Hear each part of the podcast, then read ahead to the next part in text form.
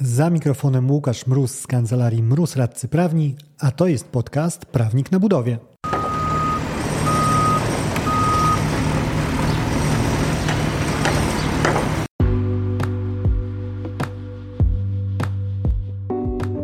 Z tej strony mikrofonu Łukasz Mróz, aka Prawnik na budowie. Ten odcinek to kolejny mikropodcast, czyli krótki strzał na konkretny temat.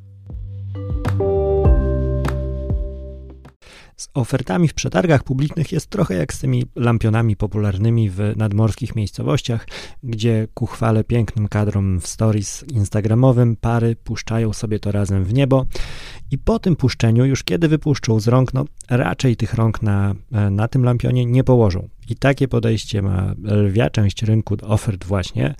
Zarówno zamawiający, jak i wykonawcy wolą doprowadzić do sytuacji, gdzie raz puszczona oferta w obieg nie wymaga już jakichkolwiek korekt, jakichkolwiek zmian i jakichkolwiek wyjaśnień nawet e, chętnie.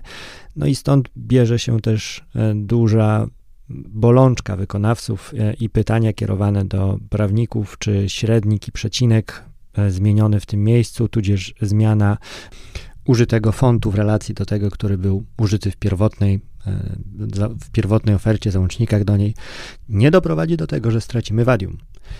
I możemy się pośmiać, no ale mniej śmieszna jest perspektywa wykonawcy, który obawia się, że przy świętej procedurze, za jaką nadal mimo e, zmian PZP e, dalej uznawana jest, uznawane są zamówienia publiczne, przynajmniej pozwolę sobie postawić taką tezę, że na efekt ten w postaci z przejścia myślenia o zamówieniu publicznym z perspektywy zamawiającego jako procedurze na e, takie zdobywanie, kupowanie wartości, troszkę chyba jeszcze poczekamy.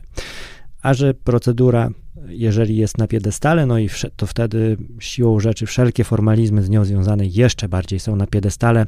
Stąd też takie zamknięte koło, e, gdzie e, istnieje ogromna obawa ze strony wykonawców, żeby cokolwiek zmienić a ze strony zamawiających, żeby zaakceptować jakąkolwiek e, zmianę, ingerencję, czy jakkolwiek to inne, innym słowem opisać. E, dlatego ciekawy może być e, case z angielska, mówiąc, żeby zwiększyć też podatność na słuchaczy, którzy pracują w bardziej korpoklimacie, opisany przez pierwsze pióro dziennikarstwa zamówieniowego i budowlanego Rzeczypospolitej, czyli Sławomira Wikariaka. Pozdrawiam serdecznie, panie redaktorze Sławku. E, w, na łamach Gazety Prawnej e, tekst pod tytułem Można podmienić dokumenty w trakcie przetargu. Już sam tytuł może przyprawić uczestników postępowania o palpitację serca i widmo gdzieś tam już czających się e, za progiem funkcjonariuszy CBS, CBA i wszelkiego innego trójliterowego skrótowca. Mm, ale o cóż chodziło? Chodziło o temat y, dość bliski mojemu sercu lokalnie, bo dotyczący modernizowanego teatru e, dramatycznego w Białymstoku i przetargu dotyczącego tego e, teatru, w którym wykonawca e, stojący na pozycji najlepszej zaczyna się na B, kończy na Udimex, po tym, jak okazało się, że jest właśnie najkorzystniejszy, no, złożył odpowiednie wszelkie dokumenty, ale e, w pakiecie zabrakło potwierdzenia wymaganego e, doświadczenia oraz podstawy do dysponowania specjalistami. Konkretnie chodziło o kierowników kontraktu i budowy, którzy wcześniej mieli już okazję ubrudzić sobie ręce przy co najmniej dwóch takich obiektach kubaturowych e, za minimum 20 milionów złotych każda robota, czyli powiedzmy no, niezbyt wyśrubowane te e, kryteria i bez problemu do spełnienia przez e, wykonawcę. E, ale kiedy wyszedł właśnie ten problem, że no niestety nie mamy jednak wszystkiego, jako zamawiający wzywamy do uzupełnienia braków, to warto zastrzec, że mówimy już o realiach nowej ustawy zamówieniowej, to wykonawca przedstawił nowy wykaz. Sęk w tym, że byli tam inni ludzie niż pierwotnie zakładano. Nie było natomiast problemów e, co do tego, e, czy są oni odpowiednio kompetentni i czy spełniają wymogi zamawiającego, bowiem spełniali. Ale sam fakt tego podstawienia takiej e, piłkarskiej, sportowej zmiany w trakcie meczu nie spodobał się jednemu z konkurentów, no i temat wylądował w KIO.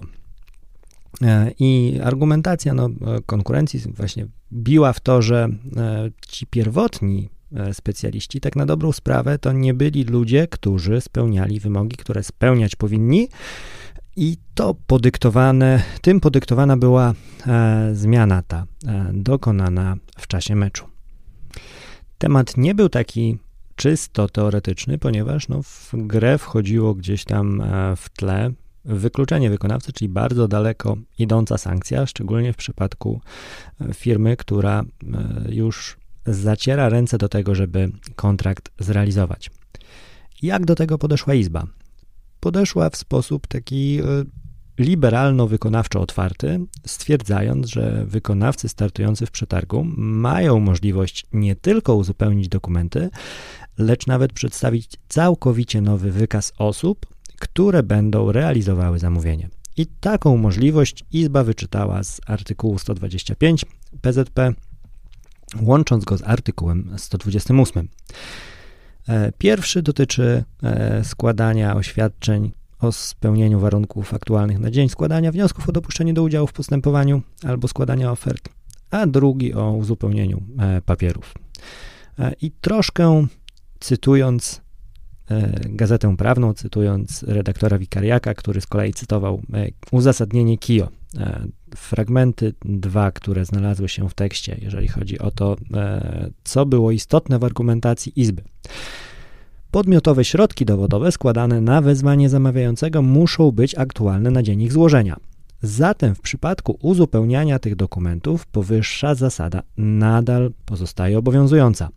Nie można bowiem przyjąć, że w terminie wyznaczonym na uzupełnienie dokumentów powinny zostać złożone dokumenty z datą wsteczną, to jest datowane na dzień, w którym były składane pierwotnie. No i tutaj z własnego doświadczenia i zresztą ty też pewnie, jeżeli e, brudzisz ręce zamówieniami publicznymi, to też zdarzało ci się rozmyślać albo odpowiadać na pytania co do tego, że o Jezus Maria, jak mamy uzupełnić te dokumenty aktualne na dzień taki i taki, skoro ten dzień już minął, e, czy mamy bardziej legalnie na szybko spróbować stworzyć wehikuł czasu, wskoczyć te ileś dni wstecz, żeby odpowiedni dokument wytworzyć, żeby sobie leżał na przyszłość, czy też mniej e, legalnie przymknąć oczy na kalendarz i stwierdzić, że podpisaliśmy to tego i tego dnia. No tutaj e, w, wydaje mi się ten problem e, zanika, chyba nawet już zanikł skutecznie, może gdzieś tam na, na, wśród wykonawców, którzy dopiero stawiają pierwsze kroki E, te wątpliwości są, no ale Izba wyjaśnia, jak powinno się do nich odnosić. I fragment e, drugi, wart przytoczenia. Wobec powyższego, skoro wykaz osób składany w ramach uzupełnienia musi być aktualny na dzień jego złożenia, to należy przyjąć, że informacje w nim zawarte także muszą być aktualne na ten moment, a tym samym dopuszczalna jest zmiana przez wykonawcę osób wskazanych do realizacji zamówienia jak i wymaganych informacji dotyczących tych osób. Jest to e, podejście z, w mojej ocenie ok, jak najbardziej takie pozwalające na, e, na elastyczność działania, jak długo mamy właściwych ludzi, którzy będą w, stali to, w stanie zrealizować naszą robotę, które spełniają, którzy spełniają wymogi zamawiającego, dopuśćmy ich do tej pracy, dopuśćmy do pracy wykonawcę i niech e, realizuje ku dobru wspólnemu inwestycję. I przydatność tej elastyczności Izba właśnie wywodziła z tego, że cóż, drodzy Państwo, no, postępowania mogą trwać, sytuacja może się zmieniać.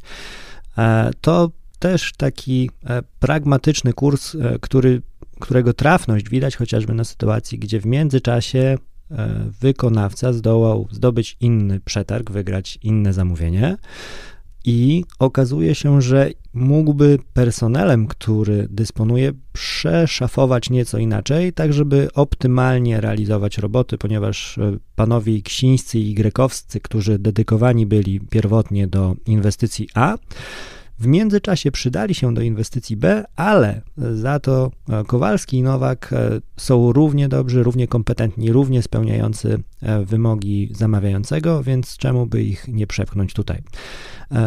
Także jest to uzasadnione też tak czysto pragmatycznie i właśnie na, na taką pragmatykę wskazywał Budimex, uzasadniając skąd właściwie wzięła się ta cała operacja i podawał, że no, nie jest to nasze jakaś tam widzimy się, no ale mieliśmy sytuację zmian organizacyjnych w firmie. Jedna z osób, o których pierwotnie myśleliśmy, e, zachorowała. W związku z tym no, nie było już sensowne działać takim pakietem ludzi, o którym myśleliśmy na starcie. A jeżeli chodzi o ten argument e, oferenta, który skierował wątek do e, KIO co do tego, że no de facto te pierwotne osoby nie spełniały wymagań i tu był ten problem i tu była, z tego wyniknęła potrzeba ich zmiany, no to tutaj Dość krótko Izba stwierdziła w uzasadnieniu swojego wyroku, że no za bardzo nie widzę dowodów na to, żeby te pierwotnie wskazane osoby nie spełniały wymagań co do doświadczenia, e, jeżeli chodzi o to, e, jaki próg wejścia postawił zamawiający. Tak to się skończyło. E, wniosek ogólny do wyciągnięcia nie tylko przez Budimex, ale przez wszystkich wykonawców działających też na zdecydowanie niższych obrotach i szczeblu jest troszkę jednak e, szans na to, żeby racjonalność w zamówieniach publicznych wykorzystywać i e, działać, jeżeli chodzi o kadrę osobową, chociażby w ten sposób, żeby efektywnie prowadzić portfel e, inwestycji, które są właśnie w portfolio wykonawcy.